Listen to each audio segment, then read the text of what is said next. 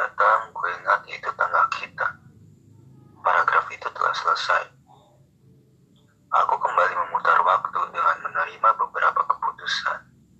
Ya itu membuat aku sedih dan tertawa sejenak. Semalam aku menulis untuk tidak melupakan dan hari ini aku memutuskan untuk itu yang sebenarnya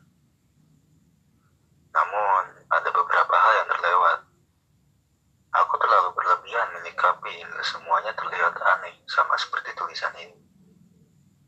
Dan pikirku ulang, aku akan kembali meminta seperti ketika kemarin aku memintamu untuk kembali dengan sesuatu hal yang berbeda.